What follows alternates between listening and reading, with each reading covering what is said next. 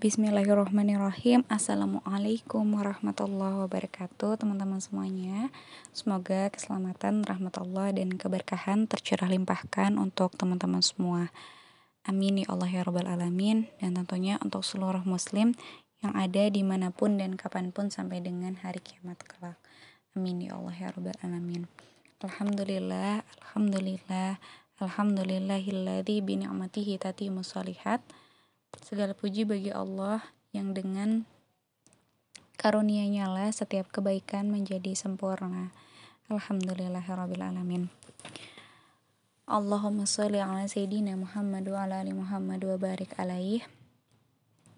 Uh, sebelum kita mulai, mari sama-sama kita memohon pertolongan Allah terlebih dahulu agar Allah bersama kita, agar Allah jauhkan kita dari niat yang salah, dari ilmu yang salah dan tidak bermanfaat, serta dari amal-amal yang salah.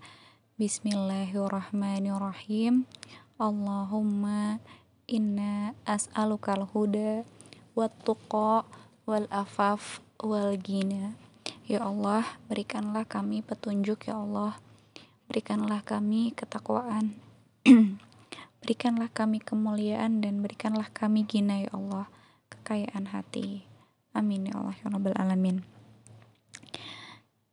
Dan mari teman-teman semuanya kita sempatkan doakan guru-guru kita terlebih dahulu, orang-orang yang telah Allah pilihkan ke dalam hidup kita sebagai jalan untuk bisa memak bisa memaknai kehidupan ini dan akhirnya kita bisa merasakan ketenangan dan manisnya iman. Mari sama-sama kita doakan dengan keberkahan Quran surat Al-Fatihah. Al-Fatihah.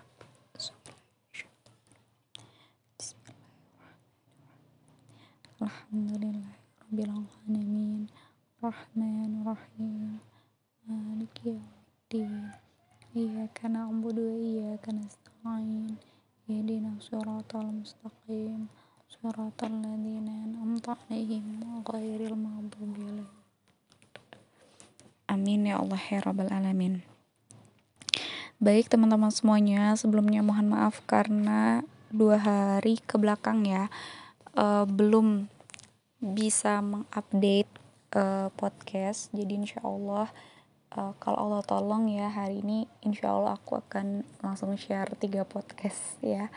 Uh, karena masih juga berkaitan satu sama lain semoga Allah mudahkan ya Bismillahirrahmanirrahim Insya Allah bahasan kita kali ini tentang uh, masih lanjutan ya tentang hal-hal yang bisa kita ikhtiarkan untuk bisa membangun kecerdasan emosional. Ya, eh, terakhir kita sudah bahas sampai poin ketiga tentang bersyukur, berbaik sangka dan berpikir positif. Kita lanjutkan ke poin keempat yaitu sabar dan tetap sabar. Nah, masya Allah, sabar ini salah satu yang identik banget ya, emang tentang emosi gitu ya. Dengan emosi itu sangat-sangat berkaitan. Jadi kalau misalnya lagi marah misalnya, sabar, sabar, atau nggak ada yang bilang batas kesabaran aku tuh udah habis gitu kan, ada yang ngomong kayak gitu ya. Akhirnya marah gitu. Dan sebagainya. Jadi uh, cukup identik gitu ya kata sabar ini dengan kata emosi emosinya yang marah gitu ya khususnya. Uh, atau yang sedih juga misalnya udah sabar sabar aja gitu kan. Nah mari sama-sama kita maknai kembali terkait sabar. Ya uh, sabar dan tetap sabar maksudnya seperti apa. Yuk kita mulai. Bismillahirrahmanirrahim. Semoga Allah mudahkan aku untuk menyampaikan dan Allah berikan kekuatan untuk kita semua agar bisa paham dan juga bisa memaknai sehingga bisa terinternalisasi terimplementasi ke kehidupan sehari-hari kita. Amin ya Allah ya rabbal alamin. Sabar dan tetap sabar Upaya berikutnya untuk menempa kekuatan emosionalitas kita adalah dengan bersikap sabar dan tetap sabar. Berikut ini ada beberapa ayat Al-Quran yang berkaitan dengan sabar. Di antaranya ada di Quran Surat Al-Baqarah ayat 153. Bismillahirrahmanirrahim. Hai orang-orang yang beriman, Jadikanlah sabar dan sholat sebagai penolongmu. Sesungguhnya Allah bersama orang-orang yang sabar. Masya Allah. Allah bersama orang-orang yang sabar. Di Quran surat Al-Baqarah 153. Allah udah janji ya membersamai orang-orang yang sabar. Nah, e, ketika menjadi seorang bunda nih ya, amanah e, amanah ketika teman-teman sudah menikah, kemudian sudah dikaruniai anak, jadi seorang bunda, itu fase ujian pertamanya tuh fase kehamilan. Ya, udah dari fase kehamilan, kemudian melahirkan, sampai akhirnya harus mendidik anak-anak. Nah, dalam menjalani rentang waktu dalam peristiwa ini, udah pasti banyak banget berbagai peristiwa yang e, dinamikanya tuh naik turun gitu ya, yang akhirnya kita menguras air mata gitu ya, memeras energi fisik ya, dan juga psikisnya seorang bunda. Kalau teman-teman belum mengalami fase ini, kita sama-sama bayangkan aja ya e, dari cerita orang-orang gitu. Terus juga dari pengalaman orang-orang yang kita tahu atau bahkan dari keluarga kita sendiri gitu ya, kita sama-sama maknai dan posisikan diri uh, di posisi seorang bunda gitu. Karena kita sambil implementasi materi sebelumnya tentang empati ya. Jadi kita mampu merasakan. Nah, khususnya nih eh, salah satu peran yang atau peran atau amanah yang bener-bener challenging banget gitu ya di mendidik anak tentunya ya apalagi di usia 0 sampai dengan 7 tahun. Di mana usia ini adalah fase penting dari pengayaan emosi dan juga kecerdasan emosi untuk anak ya. Dan tentunya untuk bundanya juga ya selaku yang menularkan atau mengalirkan emosi tersebut. Anak sedang pada fase membutuhkan ekspresi emosi yang meletup jadi ketika bertengkar, ketika tertawa, menangis, berteman lagi gitu ya, berebut mainan dan saling teriak gitu. Nggak lama kemudian mereka main lagi gitu, terus juga berantem lagi ah dan seterusnya ya. Nah, di usia ini adalah usia pendidikan emosi ternyata 0 sampai 7 tahun. Di pengayaan emosi dan pengenalan beragam jenis emosi itu penting banget. Anak-anak memang akan melakukan segala hal yang bisa menguras emosi bundanya. Kalau kemudian berbagai situasi ekspresi emosi yang begitu dahsyat ini kita redam, kita tekan atau kita marahin, kita omelin, kita bentak, akhirnya mereka tidak memiliki kekayaan emosi ya kekayaan-kekayaan emosi yang murni itu karena tadi yang seharusnya memang fasenya diluapkan gitu ya fasenya di uh, dimaksimalkan pengeluarannya gitu di ekspresinya tapi ternyata ditekan diredam ya uh, karena diomelin sama uh, bundanya sama keluarganya misalnya. Nah nanti uh, salah satu dampak yang akan dirasakan gitu ya ke depannya adalah anak tersebut tidak memiliki kekayaan-kekayaan emosi yang murni. Nah, pada akhirnya kenakalan-kenakalan anak-anak kita di usia ini adalah sebagai bentuk ujian dan cara mencerdaskan ayah maupun bunda untuk bisa mengelola emosinya. Ini sebenarnya dalam tanda kutip gitu ya, kenakalan-kenakalan anak-anak di usia 0 sampai 7 tahun itu ya salah satu cara Allah mencerdaskan emosi dari ayah dan bundanya maupun keluarganya gitu. Anak-anak yang terluapkan ekspresi emosinya pada usia di bawah 7 tahun akan lebih bisa mengendalikan emosinya ketika di atas 7 tahun ternyata Masya Allah sesuai dengan yang dinyatakan oleh Goleman bahwa kecerdasan dimulai dengan pengenalan anak terhadap ragam emosi dalam dirinya. Anak-anak yang mengenal ragam emosi dalam diri akan lebih mudah mengenal ragam emosi lingkungan sosialnya. Terlebih pada usia uh, di atas 7 tahun di mana di dalam Islam sudah menjadi mumayyiz yang berasal dari kata tamyiz yang artinya sudah bisa membedakan antara yang benar maupun yang salah, baik maupun buruk, indah atau jelek dan seterusnya. Ya, jadi di atas 7 tahun itu sudah kategori mumayyiz kalau dalam Islam. Saat itulah usia yang tepat kita mendidik otak, logika, nalar, kemampuan berpikir, pemecahan masalah, pengambilan keputusan, juga pengelolaan emosi gitu. Ya. Pada beberapa kasus terdapat anak-anak di atas 7 tahun bahkan yang telah berusia 20 tahun namun ekspresi emosinya masih meletup-letup. Hmm, beberapa kasus ya dan kayaknya nggak beberapa sih sekarang banyak banget yang seperti itu ya. Hal ini ternyata penyebab utamanya adalah mereka itu dalam tanda kutip belum kenyang gitu atau kurang kenyang meluapkan emosinya ketika di bawah 7 tahun. Sehingga erupsi, erupsi emosinya baru meluap kemudian gitu ya. Dipendam dipendam dipendam. Ini memang nggak baik ya. Memendam tuh nggak ada yang baik ya teman-teman. Uh, bagaimanakah lalu bagaimana pilihan sikap seorang bunda nih atau calon bunda di sini. Nah, pilihan sikap yang ditampilkan kita sebagai bunda dalam menghadapi berbagai perilaku emosional anak adalah sabar. Ekspresi sabar ini dapat ditampilkan dengan perilaku yang banyak menahan diri dengan berusaha menerima dan memahami anak daripada dengan berteriak dan membentak lepas kendali. Jadi ini ada catatan banget nih, jangan sampai terlewat ya. Jadi menahan diri di sini bukan berarti memendam gitu. Memendam tuh bisa jadi sesuatu yang berbahaya karena tadi ya ke depannya ketika dia udah full gitu ya akan erupsinya bisa bahaya banget gitu. Jadi menahan diri di sini harus dibersamai dengan ikhtiar menerima, ridho gitu ya.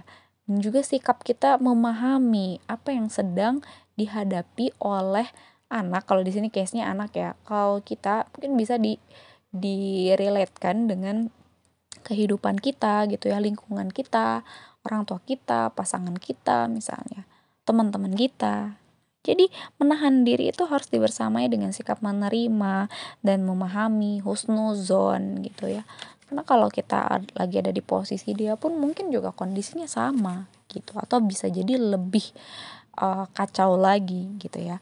Nah, ekspresi sabar uh, lainnya adalah dengan memilih diam daripada mengeluarkan kata-kata yang syarat dengan kemarahan yang berpotensi menjadi luka.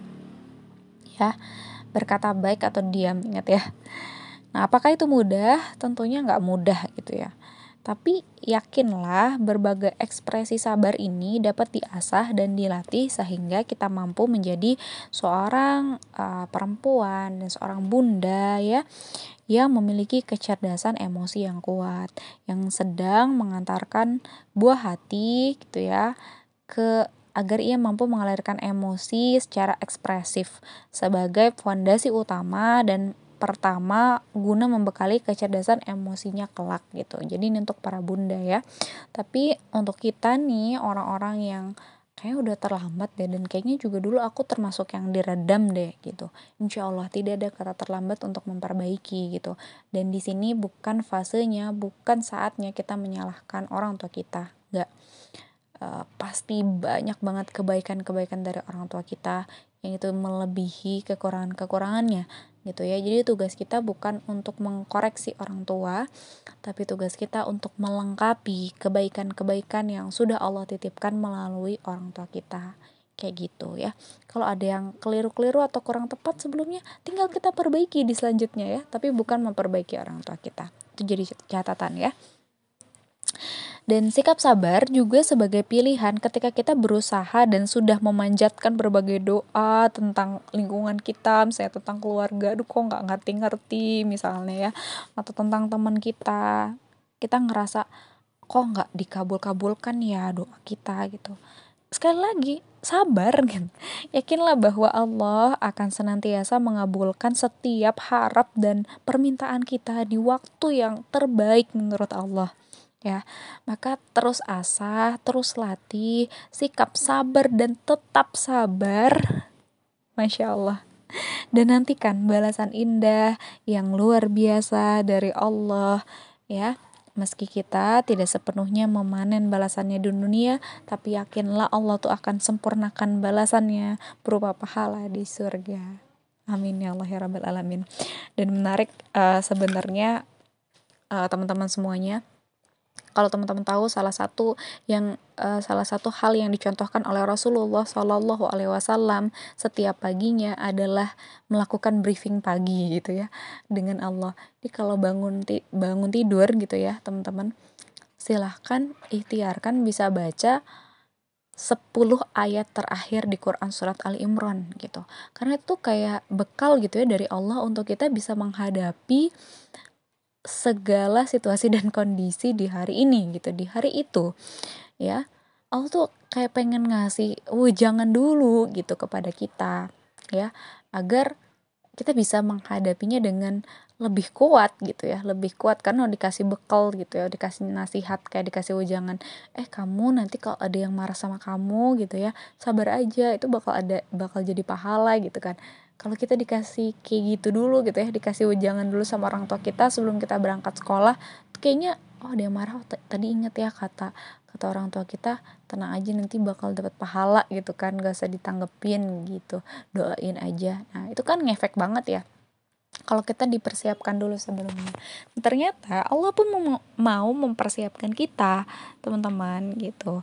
Dan silahkan dibuka ya Quran surat Ali Imran di 10 ayat terakhir di ayat 190 sampai dengan ayat 200 nah pada episode kali ini kita nggak akan bahas semuanya jadi aku rekomendasikan silakan teman-teman bisa cari banyak kajian ya tadabur eh, 10 ayat terakhir uh, Quran surat Ali Imran kenapa sih maknanya gitu ya? Uh, kita tuh harus bisa mengikhtiarkan baca ini tiap pagi gitu ya. Pas kita bangun tidur tuh lebih bagus lagi gitu ya pas bangun tidur banget. Kenapa sih? Nah silakan dicari ya masing-masing. Nah pada kesempatan kali ini yang relate dengan bahasan kita aku mau bahas di ayat terakhirnya banget gitu ya. Ayat terakhir Quran surat Ali Imran itu ayat 200. Bismillahirrahmanirrahim. Mari kita bersama ayatnya ya. Bismillah. Wahai orang-orang yang beriman. Lagi-lagi seruannya buat orang yang beriman ya, teman-teman. Bersabarlah kamu dan kuatkanlah kesabaranmu dan tetaplah bersiap siaga di perbatasan negerimu dan bertawak kalah bertakwalah kepada Allah agar kamu beruntung. Masya Allah. Jadi teman-teman semuanya Allah tuh kayak ngebriefing gitu ya. Apa pun yang dihadapi di hari ini sabar dan tetap dan kuatkanlah kesabaranmu. Kayak gitu Masya Allah. Kalau kata Ustadz Nuzul tuh ngebatu gitu ya. Sabar tuh artinya ngebatu. Jadi uh, secara bahasa ya teman-teman sabar itu uh, terdiri dari tiga huruf kan ya. So huruf so huruf ba dan huruf ro ya. Yang artinya itu secara bahasa ada tiga. Yang pertama menahan gitu ya. Kita harus nahan gitu. Namanya sabar tuh harus ada sesuatu yang ditahan. Termasuk kalau curhat ya. Nggak perlu semuanya kita curhatin. Ada hal-hal yang perlu kita curhat ini cuma sama Allah aja gitu. Jadi harus ada yang ditahan ya. Sabar. Kalau ada orang yang bilang udah keluarin aja semuanya gitu ya biar tenang biar plong. Nah berarti itu belum sabar gitu. Karena ya kalau sabar tuh hakikatnya ada yang kita tahan gitu. Tapi ingat ditahan itu bukan untuk dipendam tapi untuk disampaikan kepada Allah Rabbul Alamin ya. Sehingga tidak ada sesuatu yang terpendam dan menjadi beban dalam diri kita. Itu catatannya. Kedua puncak. Ini puncak dari agama ya teman-teman. Itu adalah kesabaran itu sendiri puncaknya ya. Dan untuk mencapai puncak tuh capek kan gitu ya. Pasti butuh perjalanan gitu. Butuh uh, perjuangan dan pengorbanan gitu untuk sampai ke puncak. Ya langsung bayangin ya kalau kita naik ke puncak gunung tuh kan capek banget gitu. Tapi teman-teman ketika kita sudah sampai di puncak apa yang kita rasakan? Uh lega ya. Sepoi angin tuh kayak oh masya allah banget. Seger gitu kan dan yang terpenting adalah kita bisa melihat pemandangan yang indah dari puncak itu. Ya begitupun ketika kita sudah sampai di puncak agama kita ya. Jadi hal apa pun tuh bisa jadi indah gitu. Oh ya Allah iya sih dulu berat tapi indah ya ternyata hal tersebut gitu. Jadi itu ketika kita sudah sampai di puncak. Memang tidak tidak mudah gitu ya untuk sampai puncak. Dan yang terakhir adalah batu. Jadi Soba dan Ro itu salah satu juga nama e, nama lain dari batu. jadi harus ngebatu tadi yang udah disampaikan ya. Bersabar dan kuatkanlah kesabaran. Maksudnya ngebatu tuh apa? Keras kepala? Bukan. Jadi ngebatu itu kita tuh tetap teguh pendirian di atas kebenaran tentunya ya. Di atas Al-Quran dan As-Sunnah. Jadi kita harus tahu ketika uh, kondisinya kayak gini ini kita harus ngapain gitu ya? Harus menyikapinya dengan seperti apa? Cari lagi Al-Quran dan Sunnah menyebutkannya seperti apa? Keterangan para ulama seperti apa? Kayak gitu ya. Jadi jangan main hakim sendiri. Kita ngapain kita ngapain gitu ya. Kalau kita ngikutin hawa nafsu kita terus nggak akan pernah kenyang gitu ya. Capek nantinya. Masya Allah. Itu sekilas tentang sabar dan aku rekomendasin banget ya buat teman-teman dengan segala keterbatasan dan kekurangan aku. Waktu itu aku lebih memaknai kata sabar gitu ya. Ketika aku menyimak uh, kajian Riyadus Solihin tuh bab sabar. Bab sabar tuh bab ke hmm, ketiga ya. Ketiga tuh bab sabar gitu. Jadi bisa banget teman-teman disimak yang kalau aku sih waktu itu uh, di ini ya di channelnya Ustadz Nuzul Zikri Muhammad Nuzul Zikri nah di situ pembahasan sabarnya tuh kayak detail banget ya. Termasuk yang tadi aku jelasin juga rujukannya dari situ.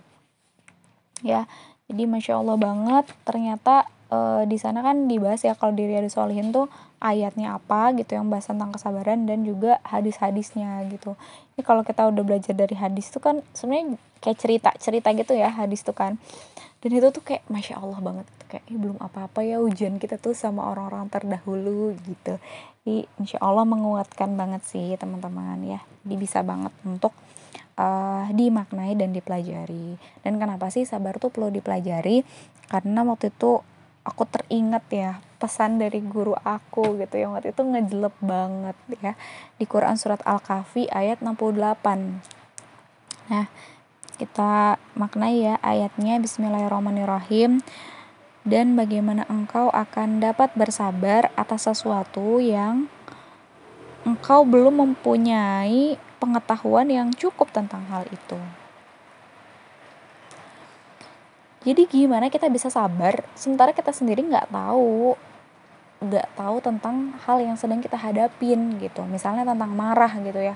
Ya gimana kita bisa sabar gitu? Ketika kita marah ketika kita tahu kita sendiri nggak tahu tentang marah itu sendiri gitu.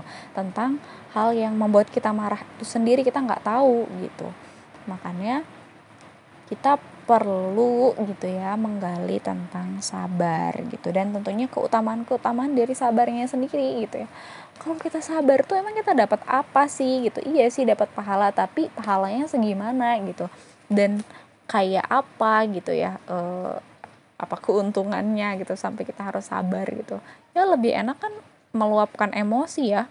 Eh, nggak usah ditahan-tahan kayak gitu ya terakhir untuk menutup episode kali ini masya allah uh, jadi ada satu ayat yang itu merinding banget sih gitu ya yang bikin ah kalau lagi sabar tuh kehiburan banget gitu yang ya Allah Bismillah Bismillah gitu.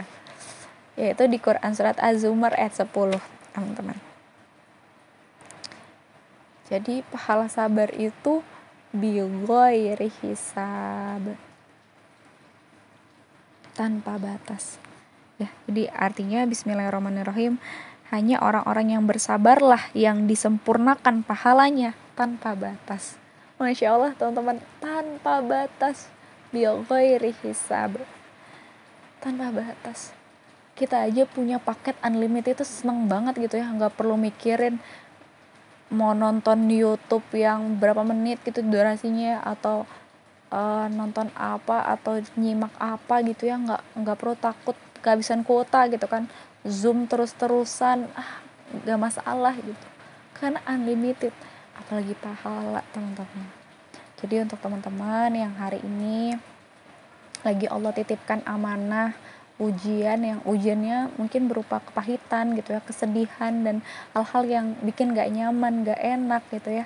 Ingat sabar dan tetap sabar biyoghairi hisab Allah tuh sayang banget sama kita. Ini momen yang tepat kita kembali kepada Allah agar kita bisa mendapatkan pahala yang sempurna sehingga kita bisa memaknai kembali yang Allah tawarkan adalah surga. Sesuatu yang tidak bisa terbeli dengan materi.